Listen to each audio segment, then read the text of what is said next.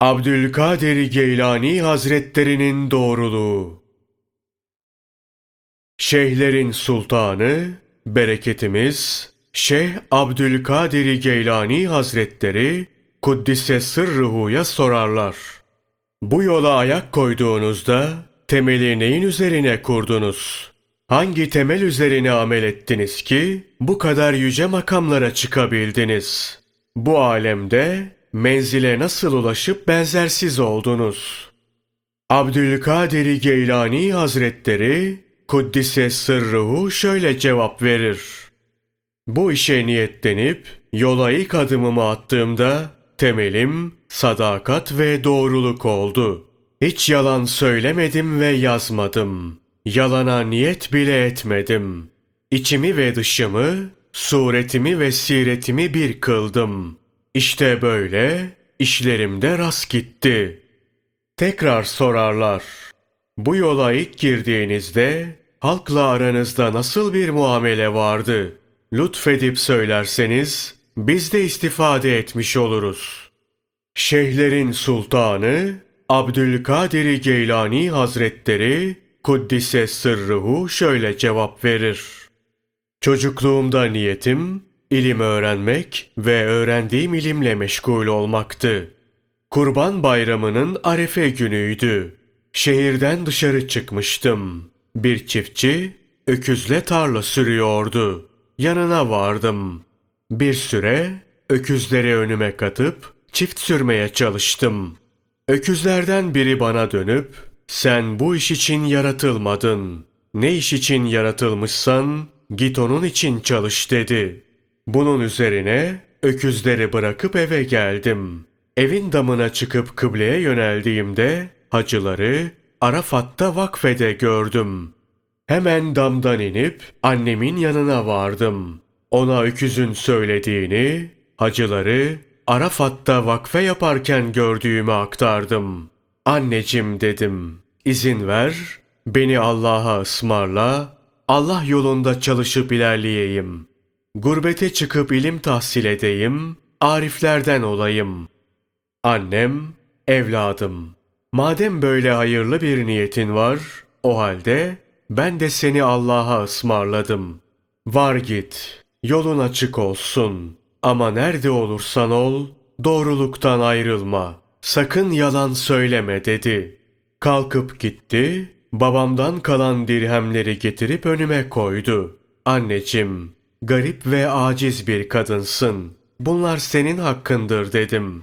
Anneciğim ısrar etti. Abamın içine kırk altını dikti. Ellerinden öptüm, hayır duasını alıp yola koyuldum.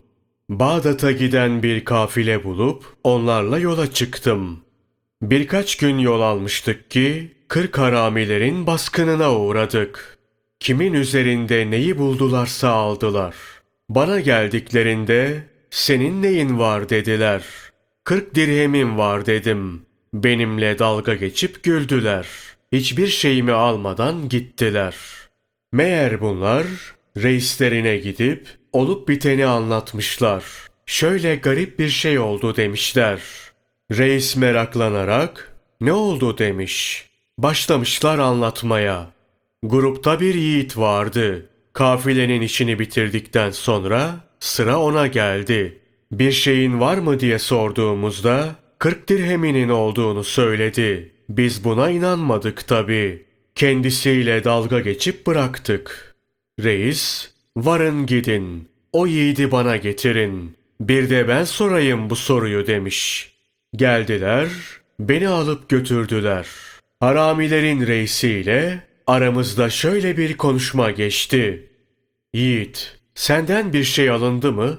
Yok, almadılar. Bir şeyin var mı? Var. Nerede? İşte abamın içinde, koltuğumun altında dikili. Çıkar onu bana ver. Kaftanımı çıkarıp verdim. Dirhemleri dikili olduğu yerden çıkarıp tek tek saydı.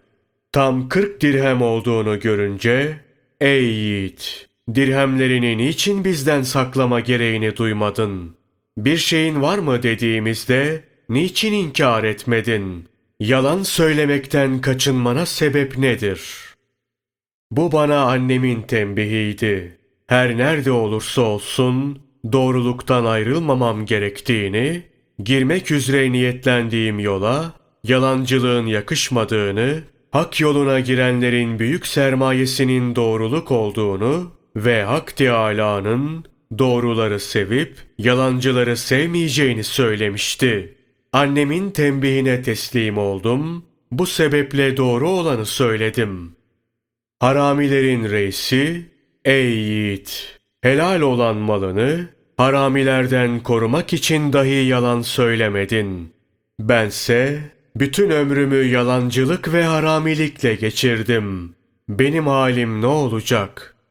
Reis böyle deyip elime yapıştı. Tevbe etti. Bir daha haramilik yapmayacağına ve yalan söylemeyeceğine dair söz verdi. Emrinde bulunan kırk harami de reislerine eşkıyalıkta reisimizdin. Tevbede de büyüğümüz ve başkanımız ol dediler. Kırkı birden elimi tutup tevbe ettiler. Aldıkları malları sahiplerine geri verdiler. Ben de dirhemlerimi teslim aldım. İşte benim hikayem böyle başladı. O zamandan beri doğruluktan ayrılmadım. Ey sadık talip! Bir mürşidi kamil bulduğunda tam bir teslimiyet de elinden tutup tevbe et. Kısa zamanda maksuduna ulaşacağından şüphen olmasın.